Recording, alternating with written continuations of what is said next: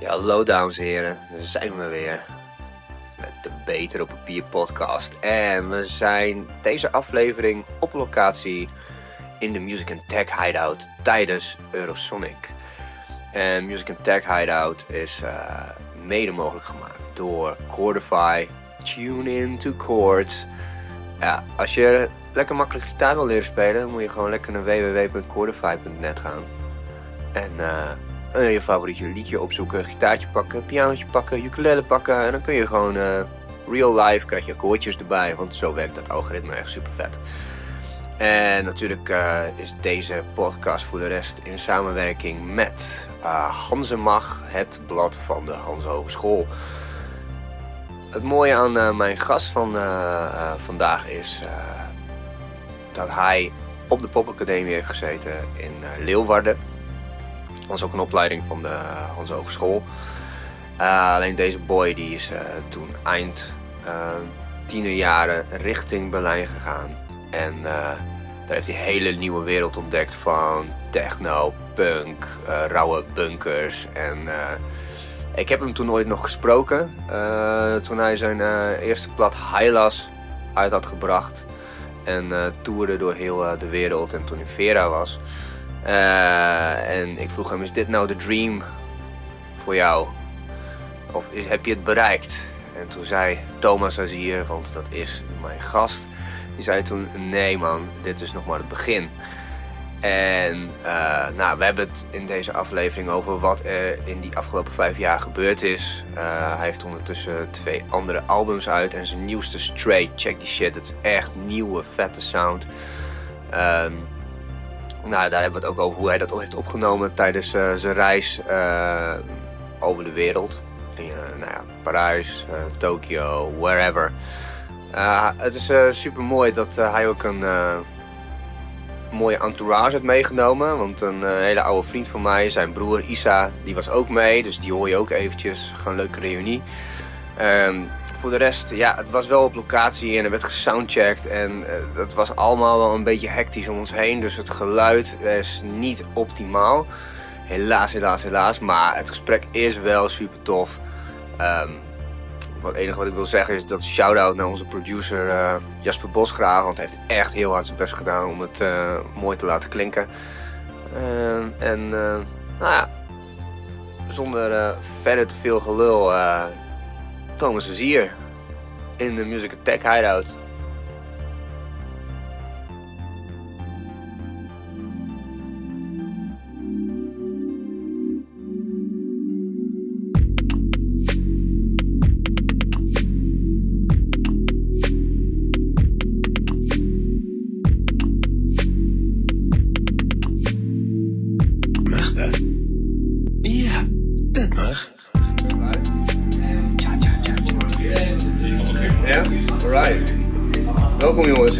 Dankjewel. Ja, ik zit hier met Thomas Azier en zijn broer uh, Isa.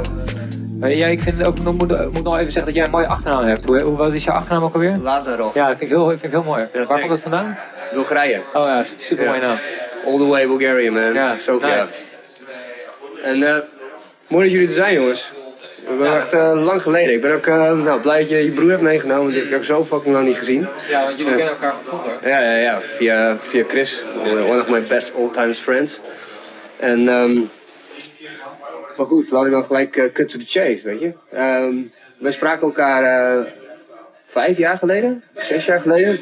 Net, net toen, jou, uh, toen, toen Hilas uit was voor het ja. eerst. Had ik je ook gesurprised in de Vera. En, um, ja, was Vera was dat? Dat was Vera, ja, klopt. Um, en toen vroeg ik jou nog uh, van, uh, nou oké, okay, weet je, toen als kiddo's uh, allemaal een soort van rock'n'roll dream hadden. Nou, dat was gewoon een dik platenlabel, een dik, dik album, vette show. Nou, dat heb je nu allemaal. Is dat dan de dream, zeg maar? Toen zei jij van, nee man, het is gewoon, het is nog maar het begin. Ik heb zoveel plannen, zeg maar. Mm -hmm. En nu, dus, nu zijn we, ja, nu zijn we echt twee albums verder. En het is alleen maar vetter geworden. Right. ja, ook nog echt, want... Wat is er gebeurd in die afgelopen jaren? Kun je een beetje kort uh, samenvatten? Nou, nou hij las, uh, ik heb ongeveer 150 shows per, per jaar gespeeld. Die was die tijd dat we elkaar spraken. Dus dat is, dat is wel echt veel. Uh, dus dan moet je echt denken aan supportshows. weet Eh, maar ook gewoon eigen shows over de hele, door, door Europa heen. Een aantal ook eh, in Amerika. En dus in het buitenland dus veel, veel reizen. En ook vooral veel leren. Want als jonge artiest dan heb je nog helemaal geen eh, idee van wat het is om zoveel shows op je gezicht te krijgen, zeg maar. Ja. En pas de- ah, ik denk dat je pas na 100, 120 shows kan zeggen wat het is om live te spelen. En ook een beetje kan weten wat er op je afkomt en wat, wat voor druk er op je staat. Want, want, want, kun je dat een beetje beschrijven? Want het is ook echt, volgens mij, 120 shows. Dat is gewoon de, de helft van het jaar, zeg maar. Ja, 150 dan shows. je, ja, dan ben je eigenlijk altijd wel op pad. Ja. En ehm, ja, ik denk, ehm, voor mij was het voornamelijk eh, dus echt EasyJet-achtige tafereelen. Dus dat ik 's ochtends wakker word en dan ga ik om vijf uur naar het vliegveld en dan ontmoet ik de crew en dan gaan we, vliegen we naar eh, eh, Bulgarije, Hongarije, of eh, Frankrijk of eh, Libanon of Canada. Libanon, Canada, het maakt niet uit. En dan, en dan speel je gewoon voor, eh, ja, speel je voor een soort kleine fanbase. Het zijn geen hele grote shows en zo bouw je langzaam op, zeg maar. Ja. Maar het zijn best wel zware dagen, want je, je moet de volgende dag weer ergens anders heen vliegen. Het is bijna, het is eigenlijk, noem ik het, het is een soort DJ-achtig bestaan, maar dan met heel veel gear. En heel veel rotzooi en helemaal niet zo chill, zeg maar. Ja. Dus, dus iedereen die met een, met USB-key reist, fuck you, weet je. Ja. Ja. Want moest je zelf ook sjouwen dan? Ja, tuurlijk. Het is gewoon echt gewoon hasselen en gewoon, eh, gewoon grinden, zeg ik wel eens. Gewoon, Ja. gewoon echt gewoon. En, en, en dan, dan, dat is gewoon. Dat is gewoon dat je dus realiseert van die, dit is waarom ik het doe. En eh, het is heel zwaar als je erin zit. En, en na die tour dacht ik dus eigenlijk van, weet je wat, dit is zo zwaar. Ik weet niet hoe, hoe lang ik dit nog vol kan houden. Eh, dus daarna ben ik eigenlijk vrij snel gaan richten op het volgende album. En Isa en ik die hebben heel weinig, dus mijn broer Isa die eh, hier naast zit- me zit, die, eh, wij hebben heel weinig samengewerkt voor Hylas, voor mijn eerste album, eigenlijk helemaal niet. En Isa was een beetje zijn ding aan het doen in Nederland. En uiteindelijk zijn we voor Rouge eh, echt samengekomen en hebben we dus dat tweede album gemaakt, dat album waar jij het eh, zo net ook over had. Ja. En eh, dus na dat proces van, dat, van, van, van die vele shows ben ik eigenlijk aan mijn tweede album gelijk gaan werken. Ja. Wauw, want het kwam er ook echt super snel achteraan. Het kwam ook een jaar, echt volgens mij let- letterlijk een jaar achter. Ja, twee jaar, achteraan. ja. ja, ja. Want ik weet nog wel dat, dat op een gegeven moment ik dacht van nou, gaat er nog wat gebeuren? En toen was hij al een maand uit, zeg maar. ja. Ja, zoiets was het dus. En, Ja. En, en het mooie wat, eh, wat ik persoonlijk heel tof vond was... Oké, dat eerste was dan heel bombastisch, zeg maar. Wel duister, maar bombastisch. ja. En, en bij Rouge dan moest, ik, moest ik echt een paar keer luisteren. Ik dacht van in het begin van, ah nee, hij gaat eh, allemaal eh, gewoon poppy dingetjes doen. Maar toen bleek dat echt helemaal niet zo te zijn. Het werd er eigenlijk alleen maar harder in andere sounds. Klopt, ja. Dus de manier waarop ik geluiden bewerkte, zeg maar, de radicalere manier om akoestische geluiden te bewerken. Precies, precies. Eh, maar wel die laagjes van, van die, eh, van, ik weet niet, synths of zo. Dat kun je wel boom, weet je wel. Die, Ja. ja. dat zat er wel altijd mooi in. Ja. En ik hoorde jou toen laatst op een podcast vertellen dat, dat Isa jou toen begeleid heeft. Ja, dus eh, tenminste Isa's eh, werk bestaat voornamelijk ook uit het begeleiden van artiesten. Dus dat deed hij eh, eigenlijk toen ik mij aan het ontwikkelen was in Berlijn en heel erg geïnteresseerd raakte in elektronische muziek en punkmuziek en eh, eh, eh, dus vooral ook de, de DJ-cultuur in, in Berlijn. Eh, raakte hij denk ik geïnteresseerd in het eh, begeleiden van artiesten en het kijken naar authenticiteit. Wat maakt een artiest eigen en eh, eh, ja, een soort van constant eh, de artiest naar zichzelf toe drijven. Zeg maar. En dat is best wel een belangrijke soort werk. En wat vaak eh, natuurlijk in de industrie eh, eh, niet op de eerste plaats staat. Dus, eh, en ik denk dat wij allebei wel eh, diezelfde eh, eh, horizon hebben of zo. We kijken allebei naar een bepaalde soort authenticiteit en eh, ja, sincerity in het Engels heet dat dan. Dus eh, eerlijkheid. Eerlijkheid, ja. ja. Puurheid. Want dat merkte ik bijvoorbeeld, voor mezelf is dat, is dat wel dan, als ik naar jouw muziek luister ik, en, ik, en het, het valt zeg maar, moet het wel, als je een paar keer luistert, dan hoor je dat de tekst en, en de sound, zeg maar, de laagjes, die, die zijn perfect op elkaar afgestemd. Tenminste, gevoelsmatig voor mij. Als ik hem, als ik hem dan hoor en ik- jij zegt een bepaald woord of een zin of zo, en dan komt er een bepaalde laag erin, dan maakt het nog extra hard. Heb je dat bewust? Ben je, hoe, hoe, hoe ben je zo'n track aan het maken? Nou, ik hoor meestal alle instrumenten in mijn hoofd wat ze moeten zijn qua. ehm, Kijk, als eerste heb je natuurlijk de songwriting. Dus dat zijn melodieën die in je hoofd komen. Dit zijn dingen die voor Rouge ik met Isa heb uitgewerkt. Dus echt gewoon, dat is gewoon eh, songwriting in de meest Basale vorm. ja, basale vorm. Gewoon, je gaat gewoon zitten achter een piano of achter een gitaar en je schrijft gewoon een liedje.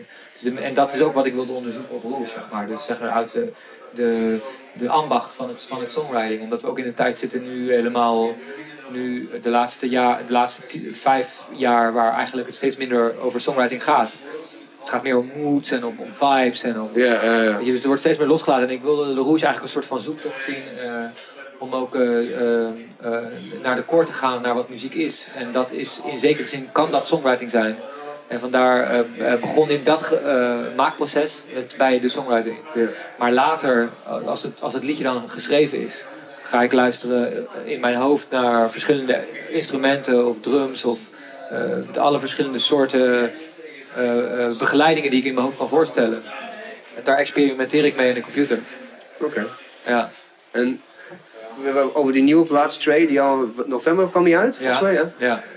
Die, ehm, da- daar zeg je van, oké, ik heb die opgenomen terwijl ik op reis was, terwijl ik allemaal dingen deed. Maar hoe neem je er zoiets op als je op reis bent? Of maak je dan de schetsen precies en... zoals jullie nu hier opnemen. Dus gewoon met een, met een laptop en een microfoon. Dus het is super simpel. Maar wat voor instrument heb je mee dan? Of... Geen, omdat alles in de computer gebeurt. En dat Sick. is wat heel veel mensen nog niet kunnen voorstellen. Ja. Maar dat is gewoon al bijna, het is al bijna 15 jaar hetzelfde. Ze worden alleen steeds beter. Ja. Dus je, als, je, als je kan horen in je hoofd wat je wil horen, dus een echte drumkit of een echte dit of een echte dat, dan Kun kan je het maken. je het gewoon maken. Echt waar je verder niet... Dat, je hebt hem echt letterlijk opgenomen op reis? Dus verder Ja. niet, niet, niet daarna nog een keer... Nee, ik bedoel, er zijn natuurlijk een aantal delen die ik eh, heb opgenomen in studio's, zoals eh, bepaalde echt, echt, echt grote orkestrale dingen en zo. Dat heb ik in een studio in Parijs gedaan. Eh, piano, eh, maar ook zelfs de piano's komen uit de computer. Wauw. Maar dat was ook met, met Rouge al zo. Echt waar? Ja, bijvoorbeeld Talk To Me, die bas is het Ja. nep. De bas is net. Ja, dus heb ik gewoon urenlang zitten slepen van nootjes van links naar rechts, zodat ik eh, net, net lijkt alsof het een echte bas is. Maar, no- maar niemand maakt het uit. Ik bedoel, Nee, jou, nee, jou dat- maakt het niet uit. Nee, dat is natuurlijk niet. Als het klinkt, dan klinkt het. Nou, Natuurlijk ook als je weet hoe een echte bas moet klinken, dan kun je het in principe Ja. maken. Ja. Je kan in principe alles namaken.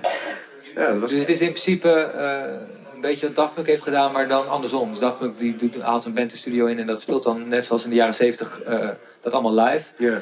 Ik ga proberen nog, ik, ik ging op een of andere manier nog een, bijna een stap verder waar, waarin ik ging kijken van hoe kan ik alles uit de computer echt laten klinken.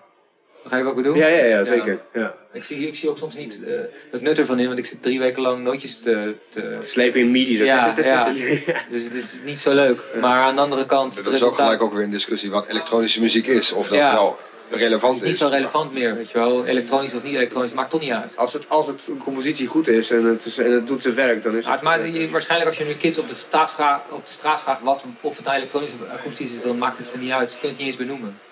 Dus Nee. het voelt gewoon goed of niet. Vet. Ja, ja, ik, ja ik, ik had echt verwacht dat, eh, dat je zou zeggen van... Oh ja, nee, ik heb gewoon een paar schetsen opgenomen. En toen dat we het nog later in de Nee, studio... alles, is- Nee, alles alles is, echt- eh, ik kan ook precies zeggen waar wat is gemaakt, maar het is een soort combinatie van allemaal verschillende... En ik vond het ook bijzonder om te horen dat je dus op de cd die je me net gaf... dat daar wel gewoon een bepaalde intro-geluiden in zitten. Hm. eh, die op, van de plek komen waar, waar je was, zeg maar.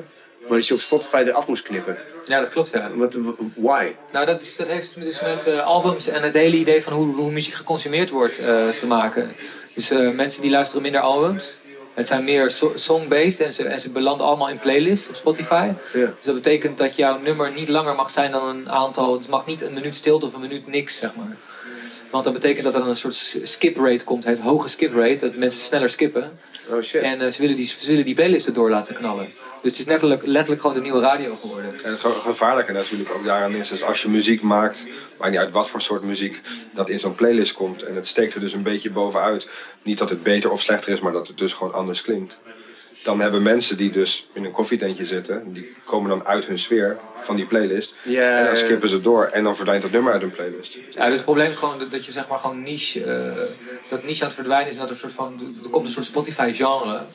Dat Spotify genre is muziek zeg maar die vooral niet opvalt. Ja. En dat is wel echt een issue, want ik denk dat dat, in ieder geval, dat is mijn ding, dat, dat ik alles wil maken behalve dat. Ja. Want dat, want dat is echt, dat is, dan heb je echt zeg maar de hamburgers voor muziek, zeg maar. Nou, nou, je kan het inderdaad een beetje zo beschrijven, maar aan de andere kant is het altijd wel zo geweest dat eh, de vorm, eh, of hoe leg ik dat uit? Eh, ehm, de, de technologie heeft heel vaak gedicteerd hoe muziek moet gaan klinken. Want ten tijde van de LP ehm, waren albums, kwamen albums ook op. Want dat was het idee dat je een conceptalbum had en, en, en muziek kon luisteren op die manier. En met tapes is dat veranderd, met cd is dat weer veranderd. Ja, want dan moest je maar 13 nummers, mocht je maar 13 of 12 dat, maar ook, ook cd's, toen cd's portable werden, werd op de koptelefoon, eh, werden er albums echt gemaakt om op koptelefoon te luisteren. Dat was een heel ander soort publiek. Dus dan zit je helemaal in je muziek op die koptelefoon. Heel veel Radiohead albums zijn echt koptelefoon luisteralbums. Terwijl daarvoor eh, werden dingen echt geblast, weet je wel. Ja. Dus dingen werden introverter, introverter. En, dus technologie is altijd wel een voorloper geweest van hoe wij muziek maken. En, ga, dan gaan, en dat heeft ook voor gezorgd dat muzikanten anders muziek maken. Dus ik ben er op zich niet op tegen. Maar wat ik wel moeilijk vind is dat... ehm, ik probeer zeg maar wel een verhaal te maken, maar je, je wordt er wel, je wordt er natuurlijk wel in, ehm, eh, het, wordt, het wordt je wel lastig gemaakt. Omdat je constant moet kijken van waar pas ik nou in? Precies. En ehm, ik zie ook dat bijvoorbeeld mijn fans of mijn doelgroep, eh, eh, die groeit met mij mee, zeg maar. Dus die, zijn nu 25, 26 jaar en ouder. Ja. Maar het groeit ook nog steeds. Maar voor die eh, personen, die luisteren geen eh, kindermuziek meer. Eh, is er best wel een gat, weet je wel. Je hebt dus, je hebt dus bijvoorbeeld kindermuziek of weet je wel, pop, popmuziek. Ja, ja, ja, ja. Echt voor in de breedste zin van het woord. En dan heb je een hele eh, golf hiphop, waar ook heel veel mensen naar luisteren. Maar er is ook zeker een hele gro- gro- grote middelgroep die, eh, van mensen die ook ja, dus serieus muziek willen. Of met serieus bedoel ik niet serieus, serieus, maar geen kindermuziek, zeg maar.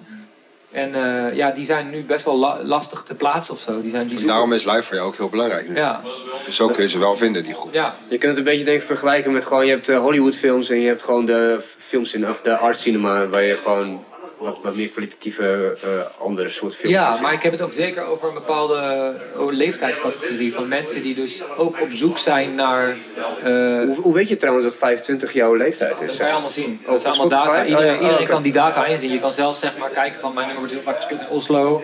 Dus moet ik een show in Oslo plannen. Ah, ja. In Turkije in ons geval. Oh. Ja. Dat is gewoon via Spotify of zo? Ja, Spotify, maar we hebben ook, we hebben ook dan een distributeur, distri- distributeur waarmee we werken, die, waar je gewoon heel makkelijk kan zien waar bijvoorbeeld mijn, twee, mijn land, waar, eh, het land waar heel veel wordt gespeeld is Turkije. Oh, wauw. Dus dan kom je erachter dat, je, dus dat het misschien tof is om daar een show te doen. Cool. Dus ja. En met Stray zijn jullie ook, eh, of ben jij gekapt met, eh, met Universal? ja.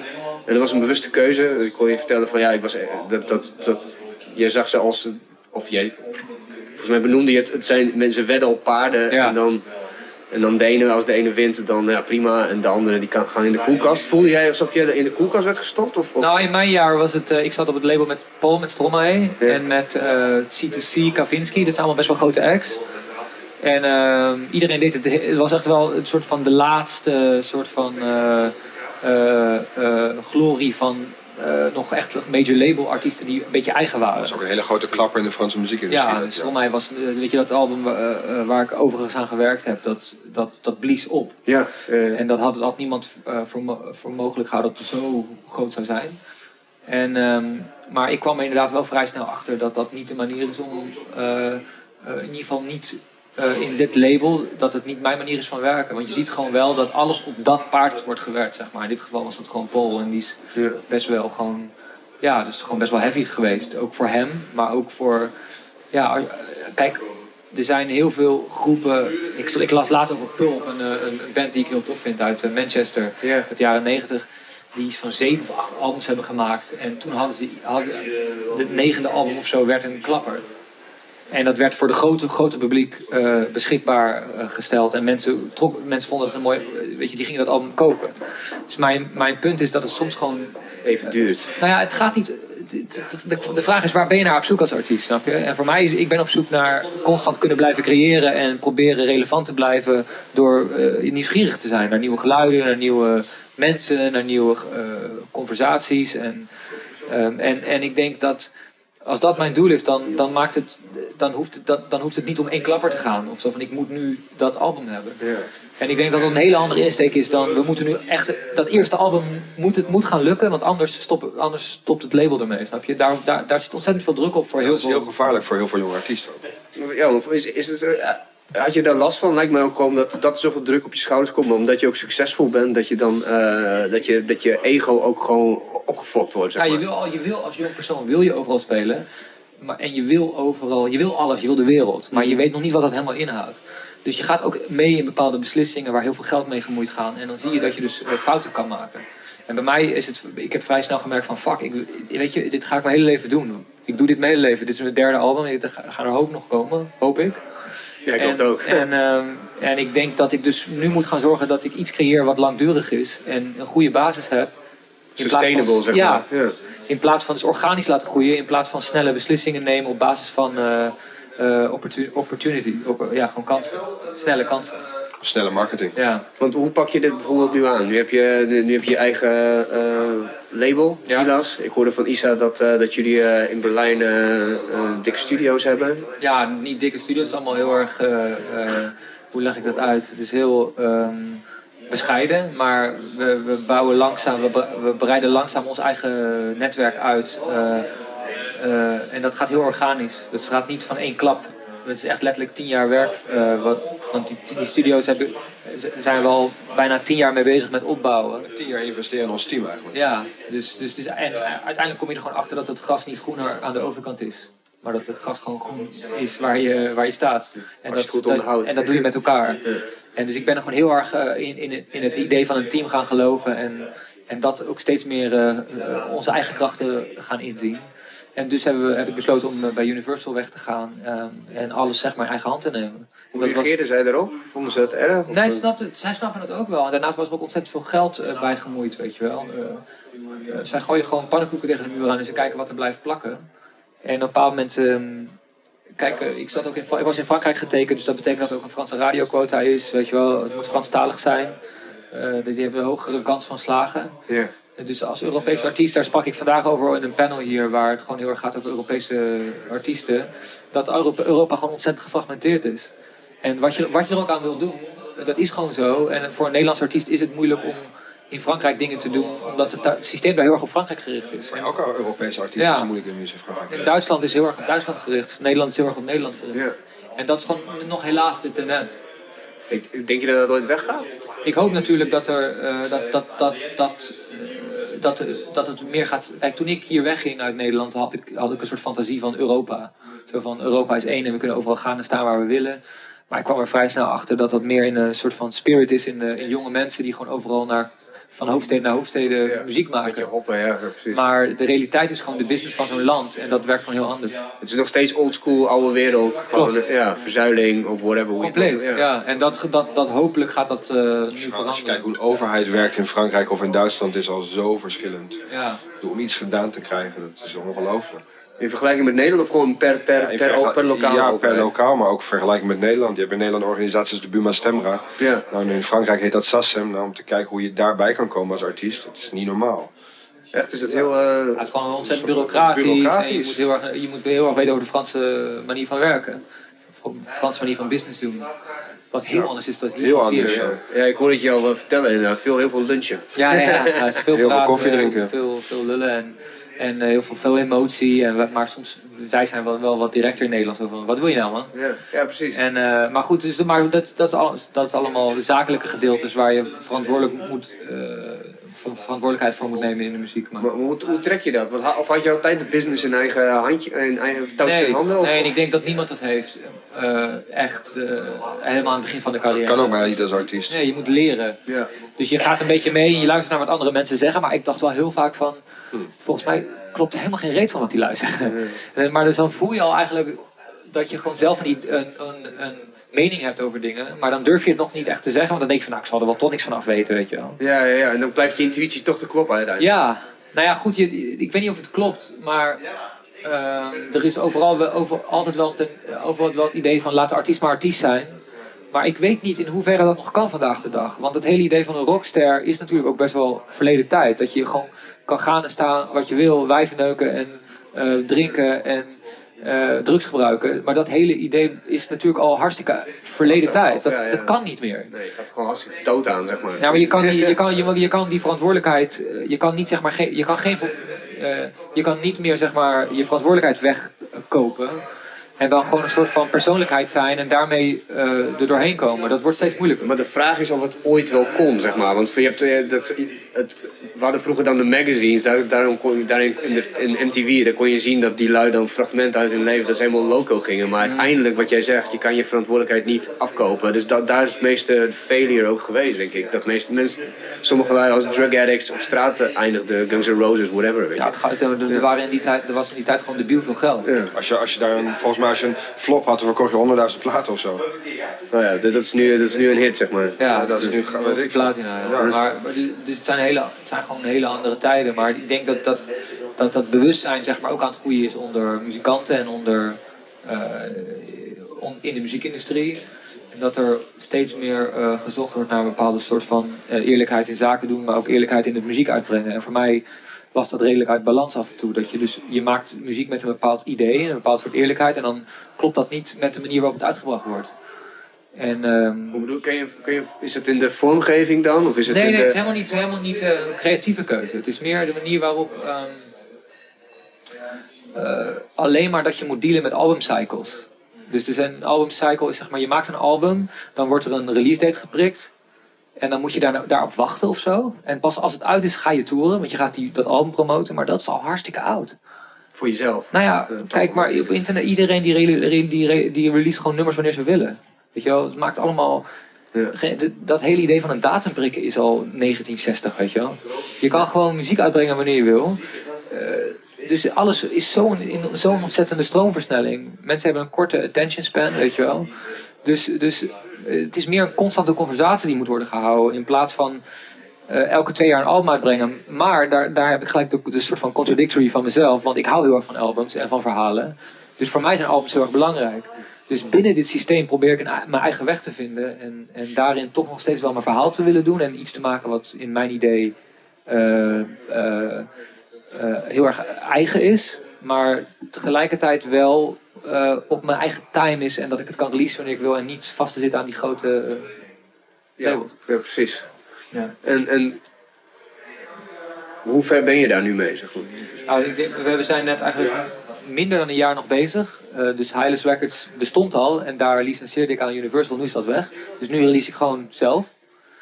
En eh, letterlijk het team waar- wat we hebben heb je net gezien. Dat is Isa mijn broer en Ferran. eh, dat is tevens mijn geluidstechnicus en die runt mijn label. Ja. En het is echt letterlijk heel gewoon echt een heel klein... soort van Robin in de studio. Ja, Ja, dat wil ik net zeggen. Je werkt toch altijd met... eh, met ja, Robin die ja. werkt in de studio. Dus we hebben een heel klein hecht militant team. En eh, Ja, daar... Robin is om zes uur 's ochtends al. Ja, dus het is om gewoon, eh, ja, hij werkt daar- dus met, dus we hebben gewoon een heel sterk klein team en daar, daar, daar lukt het wel. Weet je, daar werken we gewoon mee. Maar je woont nu in Amsterdam. Jij, jij ook of niet? Nee, ik woon in Berlijn. Wat zei je? Ik woon in Berlijn. Jij woont in Berlijn. Ja. Jij runt die shit daar, zeg maar. Ja, ik doe mijn best. Ja. Ik doe mijn best. En Robin helpt me, helpt me veel met day-to-day dingen. En ja, er lopen heel veel interessante mensen rond in de studio. En, eh, Wa- Ja. Want wat is wat het nieuw talent? Want jullie, ontwikkelen talent. Doe je, doe je er ook aan mee? Nee, dit is Isa's. Oh, dat is Isa's ding, ja. Thomas heeft, eh, helpt met hele goede adviezen vaak. Want, want heb, je, heb je nog eh, eh, mensen die, eh, die, die, waarvan je zegt van, oh, daar moet je op, op letten, zeg maar? Nou, ik heb nog niet echt namen natuurlijk, omdat ja, ik ben pas een jaar geleden begonnen. En die mensen die, die nu uit ons productiehuis komen, dat zijn mensen die nu, ja, die waarschijnlijk rond juli pas eerste releases gaan doen. Oké. Dus ik kan je wel een naam zeggen, maar je kent ze niet. Maar het zijn gewoon mensen die ik gewoon vind. Het kan van een, eh, van een achterstandswijk in Frankrijk zijn, tot jongens die ik in Lagos, Nigeria vind. Tot een, tot een jongen die heel goed zingt, die ik vroeger gitaarles gaf, gewoon in Eindhoven woont, waar ik altijd een goed gevoel bij had. Oké. En eh, ja, we hebben die studio's dan. En eh, ik geef ze de sleutels. En eh, als, we, als we elkaar na En als drie... het niet leeghalen, dan... Nee, maar het is gewoon letterlijk als we elkaar na drie maanden, als we elkaar nog heel aardig vinden en nog ja, nog goed met elkaar om kunnen gaan, dan gaan we een keer een plan maken. En daar hoort natuurlijk ook een zakelijke kant bij.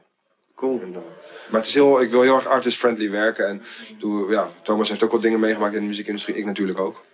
Dus ik wil gewoon mensen op een hele goede manier met mensen werken. En als het dan niet lukt, dan is dat, wil ik in ieder geval na vijf jaar iemand recht in de ogen kunnen aankijken. En, ja. En wat is, wat is voor, voor jullie de, echt een grote fail waarvan je, dacht, van- waarvan je op het moment zelf dacht van, oh, dit is echt verschrikkelijk. Maar achteraf denk ik beter dat dit gebeurd is. Ehm, nou, er zijn, ik, ja, ik heb genoeg van dat soort voorbeelden, maar ik denk dat het. eh, ja, ik, het is best wel grappig. Jij vroeg net aan mij van ehm, waar zit je. Waar, je woont nu in Amsterdam, maar dat hele gevoel van ergens wonen heb ik nooit echt gehad. Van dat ik zo van hier ben ik gebaseerd of zo. Dus het is altijd een constante flow van eh, overal heen gaan, eh, dus eh, op, in verschillende landen werken. Maar wat ik, wat, ik, wat ik nog wel benadrukken is dat we, we steeds meer in onze. ehm, in een soort van scherm leven. Dus we leven constant in een scherm, in, in onze, op onze telefoons. Op on- dus de realiteit is eigenlijk verdraaid. Dus, Ja. we- dus daarom maakt het niet echt uit waar je woont en, en, en waar je zit. Eh, je bent constant eigenlijk ingetapt in de matrix. En, en ja, ik, zit- ik, ik zit daar heel veel over na te denken. Ik heb, zelf, ik heb zelf het gevoel als we dromen dat dat een realiteit is. Snap je wat ik bedoel? Ja, dus dat, dat, want dan zie je in één keer natuurdingen en dingen die je dan... Dan je al je zintuigen weer open. En dan word je wakker en dan ga je weer in dat scherm. En dan ga je weer basically in de matrix. Dus mijn hele idee is eh, met name dat het dus geen reet uitmaakt, dat het geen reet uitmaakt waar je woont. Dat zijn alle gewoon de vier muren waar we in zitten. En het maakt soms dan, ik zit dan in Amsterdam, mijn woning ziet er helemaal niet Amsterdams uit, het is een soort bunker. En dat had ook Berlijn kunnen zijn. Dus het maakt echt, weet je wel, dus dat hele idee van waar we wonen. Ik heb dan regelmatig contact met Isa in Berlijn of, waar die, of Afrika waar die dan zit. En, eh, en met eh, de studio en met mensen uit Parijs. En ik heb het gevoel dat ik constant met iedereen verbonden ben, maar ook weer niet of zo. Ja. Ja, precies. Ja, nee, ik, ik, ik snap je wel. Ben je bekend met de theorie van eh, Elon Musk dat de kansen dat dit de werkelijkheid is 1 in een bil- biljoen is? Nou ja, dat, ik Statistisch. kan me wel, ja, dat, Ja. dat, ja. Op zich, dat is niet zo gek als je, zeg maar, we hebben nu die schermen. Dat is al eigenlijk al een interface die je eigenlijk ook al in je hoofd zou kunnen hebben als de technologie zo ver is. Zeg maar. Absoluut. Ja, dat is gewoon alleen, die is er al. Alleen het punt is dat dit gewoon heel traag gaat. Omdat je met je hand moet Ja, zoeken. absoluut. Als je met je, met je eh, gedachten kunt. Ja. Maar het hele idee van, eh, ik reed laatst met mijn auto naar dus mijn ouders toe, die wonen hier in de buurt. Ja. En toen regende het, maar de zon scheen en er was hele donkere wolken overal. Het was een heel raar moment, weet je, wat je ook heel vaak in het noorden ziet. Van dat hele heftige weer. En toen werd ik een beetje emotioneel van, dat, van, die, eh, van, van de indrukken. Omdat ik op dat moment al twee uur lang aan het rijden was en niet op mijn telefoon zat. En dat was waarschijnlijk de eerste keer in twee of drie maanden tijd dat ik dat had. En toen reali- realiseerde ik me in één keer dat, eh, dat eh, de werkelijkheid niet meer de werkelijkheid is. Shit, we hebben nog maar drie minuten. Anders dan komen we hier nog echt verder over, over Matrix. Hè. Maar ehm, oké, laten we kijken. Even, even afrondend. Eh, Stray is dus eh, al een tijdje uit. Super vet vind ik hem. Eh, heb je een favoriet nummer op, op die plaat? Ehm, even denken, White Horses vind ik heel goed. Ik vind Color Color ook heel goed. Ja. Maar ehm, over, het, over het algemeen probeer ik er nooit wat op te zetten waarvan ik denk van die, dit, hier zou ik over vijf jaar voor schamen. Dus, ik- dus daarom kost het altijd wel wat tijd om, om, om het te maken. Maar ja, ja. Wanneer komt eh, de volgende uit? Ben je al bezig? Ja, ja, zeker. Misschien, dit jaar denk ik. Ja. Oké, fingers crossed. ja. Vet veel zin in. Dankjewel man dat je kon komen. Echt super tof. Cool. Right. It's a wrap. Yeah.